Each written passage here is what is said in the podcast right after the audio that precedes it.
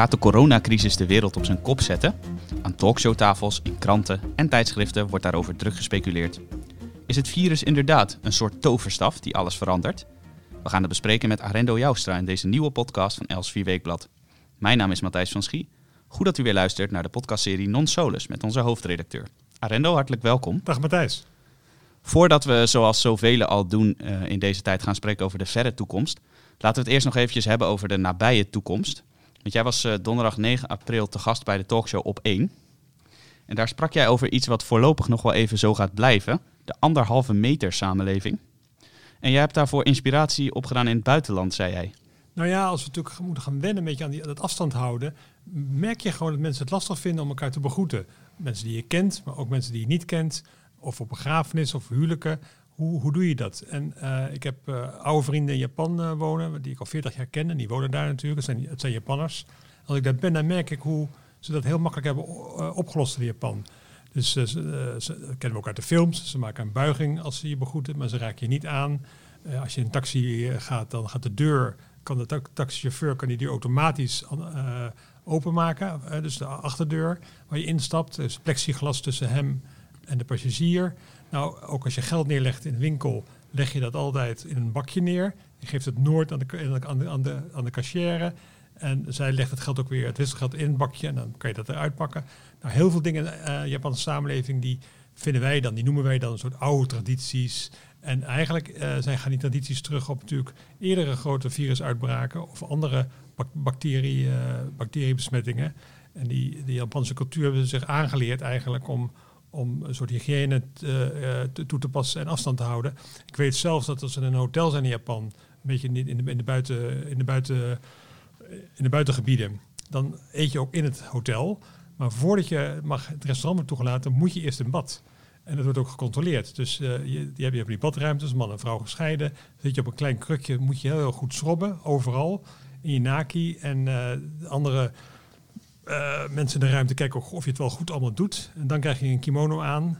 En dan mag je pas uh, het, het, restaurant in. Bijzonder uh, en interessante gewoontes in, in zo'n land. Want wij kennen natuurlijk Japan als een land waar het ontzettend druk is overal. Met name natuurlijk de beelden uit de hoofdstad Tokio. Overvolle metro's, overvolle straten. Maar toch hebben ze zich aangeleerd. jij zegt dus waarschijnlijk komt dat door eerdere virusuitbraken. Toch hebben ze zich heel goed aangeleerd om uh, social distancing toe te passen, afstand houden, zoals ja. uh, wij dat noemen. Ja, ze, ze, hebben ook een soort beleefdheid, maar die beleefdheid is vooral bedoeld om, om, om je weg te houden eigenlijk. Uh, we kennen natuurlijk ook een hele andere kant van Japan. gedurende de Tweede Wereldoorlog, dan, dat was wat minder natuurlijk. maar goed, ik, ik, ik, ik vermoed, denk, ik heb er geen studie van gemaakt, ik ben geen antropoloog, ik weet ook verder niet zoveel van Japan, dat het toch wel teruggaat, die traditie, wat wij een mooie traditie noemen, uh, teruggaat uh, naar de oude tijden, ja. waarin ze ook te maken hadden met dit soort uh, virussen. Ja, dat is bijzonder interessant om te volgen of dat inderdaad ook in Nederland gaat gebeuren. Want premier Rutte en ook minister van Volksgezondheid, Hugo de Jonge, die, die zeiden de anderhalve meter samenleving die gaat hier nog wel eventjes blijven. En die anderhalve meter samenleving is natuurlijk voor de afstand die wij van elkaar moeten houden, wat wij in deze studio ook keurig doen. Uh, maar dat staat natuurlijk veel breder voor een, een samenleving waarin allerlei evenementen, uh, waarin allerlei dagelijkse routines heel anders zullen gaan verlopen. Nou, ik vind die anderhalve meter een soort meer metafoor. Wat ermee bedoeld wordt is niet dat je altijd anderhalve meter afstand moet, moet nemen. Je kan het ook met een mondkapje doen. Het staat meer voor, kijk nou uit uh, een beetje. Dus, dus doe, doe voorzichtig, ga, niet tegen elkaar aanstaan. Dat is eigenlijk die anderhalve meter. Uiteraard moet je ook in kantoren, in fabrieken en andere mensen plaatsen waar mensen werken, moet je een soort, soort eenrichtingsverkeer gaan introduceren. Zodat je elkaar in die zin niet, uh, niet in het gezicht hoest. Maar het staat voor een soort nieuwe samenleving. Daarom noem ik ook uh, Japan, want daar hebben ze daar wat meer ervaring mee. Het is vooral bij, ze nog een beetje onwennig. We moeten leren ook aardig tegen elkaar te zijn op anderhalve meter afstand. En nou ja, ik ben heel benieuwd eigenlijk hoe allerlei bedrijven, ondernemingen en organisaties dit hele idee van die anderhalve meter gaan vormgeven. En ik denk zelfs dat de ondernemers die dit nu al doen en het, het snelst en creatief met die, dat idee van die anderhalve meter omgaan, dat die ook straks voorop zullen lopen. Want die hebben dan al iets geïntroduceerd en kunnen vast aan de slag. En dat is ook interessant om te zien hoe, hoe allerlei ja, organisaties, bedrijven daar, uh, daar uh, vorm aan gaan geven. Precies, en uh, voor velen is het wellicht ook wel een soort opluchting. Want ik hoor dat vaak, en jij wellicht ook, van mensen die zeggen die gewoonte van elkaar drie zoenen geven, zelfs de, de wildste onbekende. Dat vind ik eigenlijk helemaal niks. Ik vind dat veel te klef allemaal. Zou het nou kunnen dat als dit noodgedwongen wordt, dat, dat veel mensen dat eigenlijk ook helemaal niet erg vinden, dat we daar afscheid van gaan nemen? Ja, dat kan je met, met collega's en vrienden hebben, maar je, natuurlijk in je eigen familie wil je natuurlijk wel die omarming hebben. Ja. Zelf uh, heb ik ter zelfbescherming altijd ook wel, ben ik ook heel erg afhoudend met, met, uh, met zoenen geweest. Omdat ik, uh, nou ja, ik wil niet thuis zijn, ziek thuis zijn als ik mijn werk moet doen. Dus ik ben heel voorzichtig met zoenen. Ik ben, ben niet zo'n zoener. En ik ben altijd een beetje bozer als je een eetafspraak met iemand die dan snotterend aan tafel komt. Dan denk ik, ja, blijf dan weg. Ja. Want ik wil niet, niet besmet raken. Ook niet door die verkoudheid, want het, het brengt je toch altijd van je stuk. Je bent wat koortsig en je functioneert misschien minder goed. Dus uh, als dat, als dat het resultaat is van deze crisis, dan zou het mooi zijn dat we meer rekening met elkaar houden. Wat je kan verwachten is dat mensen dus gewoon thuis blijven of thuis moeten blijven als ze zich ziek voelen, zoals nu ook. Om het te voorkomen dat je de rest van je collega's aan, aansteekt. Ja, dat zijn dus uh, zaken die we waarschijnlijk op heel korte termijn gaan zien. En uh, wie weet gaat dat maanden of misschien wel jaren duren. Maar er wordt ook al volop gespeculeerd over de, de heel verre toekomst. Want we hebben afgelopen weken een hoop politici en zogenoemde opiniemakers en andere publieke figuren voortdurend eigenlijk zien pleiten om onze leefwijze flink te gaan veranderen. Want uh, dat we door deze crisis alles anders zouden moeten gaan doen, ja, dat zou volgens hun wel vaststaan. Denk jij dat ook? Nou ja, dat, dat gebeurt altijd in, in zo'n periode, dat je een beetje gaat wensdenken en dromen over de toekomst. Dat gebeurde ook gedurende de Tweede Wereldoorlog. Toen werden er helemaal blauwdrukken gemaakt van hoe de samenleving anders zou kunnen worden vormgegeven. Maar goed, meestal, uh, zodra de crisis afgelopen is, is dat, dat voorbij. Omdat je toen het laatste schot geklonken had, werd gewoon de oude situatie gerestaureerd. Er kwamen de oude partijen terug, de oude samenleving kwam weer terug. Dat zou je nu ook zien, hoewel je nu wel een soort overgangsperiode hebt. Maar waar, waar ik een beetje aan erg is natuurlijk mensen die dit gebruiken uh, om te zeggen, ja, dan, dan is de KLM maar opgeheven en dan, uh, dan hebben we ook geen vee meer in de wei lopen en geen kippen meer. En ja, die zijn nogal makkelijk met hun eigen idealen te vervullen en daar de crisis voor te gebruiken. Eigenlijk zijn het een beetje een soort aasgieren. Die, die gebruiken dan zoiets en die gebruiken de ellende van nu om een eigen politieke programma uit te voeren. En uh, nou, A, hoop ik niet dat ze gelijk krijgen. En B, gebeurt het vaak niet. Want meestal wil je zien als dit helemaal achter de rug is. En het kan wel lang duren, want we moeten een vaccin hebben. Of het, uh, of het virus moet gaan muteren. Of, nou ja, of het moet gewoon vanzelf stoppen. ook nog een mogelijkheid dat het uitdooft. Maar ik denk als dat gebeurd is, dat we dan ons oude leven weer oppakken. En dan zullen we iedereen zal weer naar de Costa's vliegen en over de wereld reizen. En dat hoop ik ook dat het gaat gebeuren. Maar er zijn dus een paar mensen bij die deze crisis gebruiken om hun eigen politieke doelstellingen te bereiken. En ik vind dat eigenlijk uh, niet netjes. Ja, precies. Uh, we hadden er vorige week, meen ik, of de week daarvoor ook al een, uh, een commentaar over op de website en in het blad van Elsevier Weekblad geschreven door collega Gert-Jan van Schoonhoven. Die had het inderdaad over aasgieren. Die noemde als voorbeeld, maar er zijn talloze andere geweest door iemand van de Partij voor de Dieren. En die zei, mooi moment om KLM te failliet te laten gaan omdat we in de toekomst door corona toch veel minder moeten gaan vliegen. Nou, dat past natuurlijk in de duurzaamheidsagenda van die partij. Maar zo zijn er nog veel meer voorbeelden. Er zijn bijvoorbeeld mensen die, eh, die zeggen uh, de, de vitale sectoren, de zorg, het onderwijs, die moeten eindelijk eens het salaris krijgen wat ze verdienen. Maar wie bepaalt nou eigenlijk wat zij verdienen en hoe nou, gaat ook, dat? Ook, ook, dat soort dingen worden nu gedroomd. Er wordt gezegd natuurlijk van, uh, ja, de, de, het moeten nu die helden in de zorg belonen. Nou, dat kan, kan, dat kan ik gratis, kan ik dat nu zeggen, daar ben ik het mee eens. Uh, maar ja, dat moet wel betaald worden. En dan vraag is, wat is, dan, is dan een redelijk salaris? Dat wordt normaal gesproken op de arbeidsmarkt bepaald. Nou, je kan natuurlijk al die harde werkers voor nu een bonus geven, eenmalig. Maar het is ook wat makkelijk en gemakzuchtig om, uh, om met anders, andermans portemonnee cadeautjes uit, uit, uit te delen. Ja, en dat gebeurt natuurlijk nu voortdurend.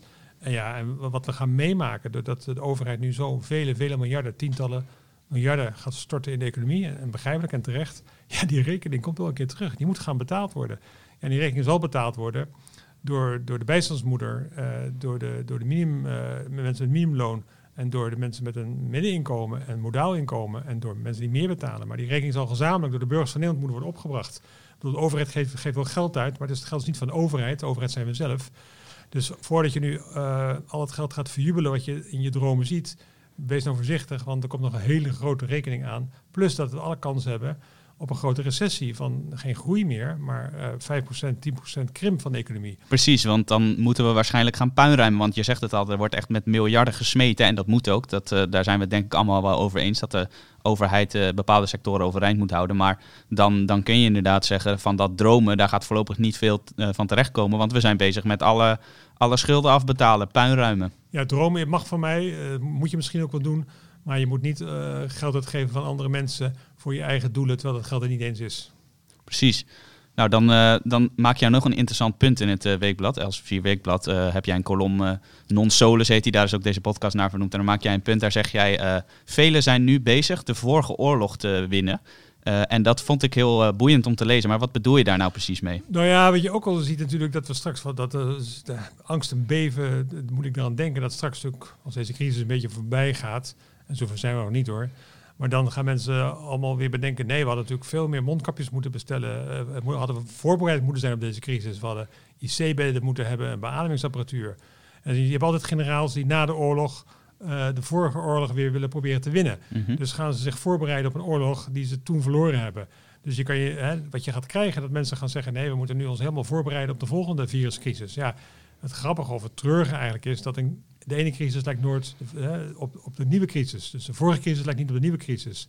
De volgende crisis, de volgende crisis kan best zijn dat dat een magneetbom is die alle uh, uh, computers uitschakelt, plus hun geheugen. Kan ook zijn, de volgende crisis kan ook zijn een gebrek aan elektriciteit, waardoor de samenleving stilvalt, omdat we te veel ons richten op zonne-energie en, en, windenergie, en terwijl we het gas hebben afgesloten. Dus je kan je soms moeilijk, je, je moet niet proberen de generaal te spelen die de vorige oorlog wil winnen je kan je op alle crisissen voorbereiden. En, en je moet het misschien ook niet doen. Uh, en, uh, dus uh, je moet er gewoon uitkijken met wat je wel kan doen en wat je niet kan doen.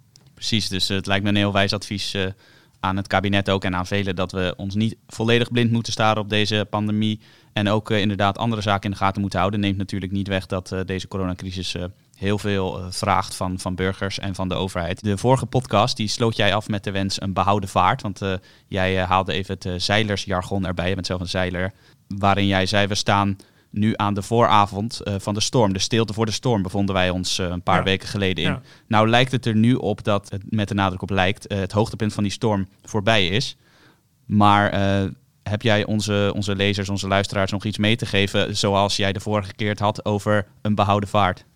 Ja, ik vind het moeilijk, omdat we, het lijkt inderdaad voorbij, terwijl we nog, uh, nog uh, niet het einde in zicht hebben. Hè. Dus we gaan nu het paasweekend in, er komen nog veel mooie, mooie weekenden met mooi weer. En als we ons niet aan de regels houden, dan, dan die, we houden ons aan die regels om, om de, zorg niet te belasten, te overbelasten. Dus ik weet niet of, of, we aan, of ik al kan zeggen, kijk, de kust is in zicht. Want dat zou dan ook natuurlijk uit de zeilerij komen. Als de kust in zicht is, dan dan heb je twee effecten. De, de kust is in zicht, dus dan ben je blij dat je binnenkort weer uh, vast uh, grond onder je voeten hebt. Tegelijkertijd, als je dat de kust ziet, dan duurt het altijd nog eindeloos voordat je er bent. Ja. En dat is nu ook zo. Dus je, je, je ziet de kust al, het eh, duurt des te langer voordat je dan ook de haven binnenvaart. Dus uh, dat is ook een beetje de situatie nu. Blijf behouden vaart. En ik hoop dat we allemaal met z'n allen, zoals we hier nu in Nederland wonen en elders in de wereld, straks de haven kunnen binnenvaren. Mooi, Rendo. Uh, hartelijk dank. Dan zijn we nu aan het einde gekomen van deze podcast. Ik wil jou hartelijk bedanken en ik wil onze luisteraars uiteraard ook hartelijk danken voor het luisteren naar deze podcast van Els 4 Weekblad. Wilt u nou geen van onze podcasts missen? Dan kunt u zich abonneren op deze podcast door te surfen naar www.els4weekblad.nl slash podcast of in uw favoriete podcast app, bijvoorbeeld Spotify of iTunes, zoeken op Els 4 Weekblad en u daar abonneren. Dan krijgt u een melding binnen van alle nieuwe podcasts die er verschijnen. En bent u nou tevreden over deze podcast, blij dit te horen? Dan zouden wij het erg waarderen als u ons in iTunes een 5 sterren beoordeling geeft. En voor de mogelijkheden op een abonnement, zowel papier als digitaal, kunt u surfen naar leeselsvierweekblad.nl.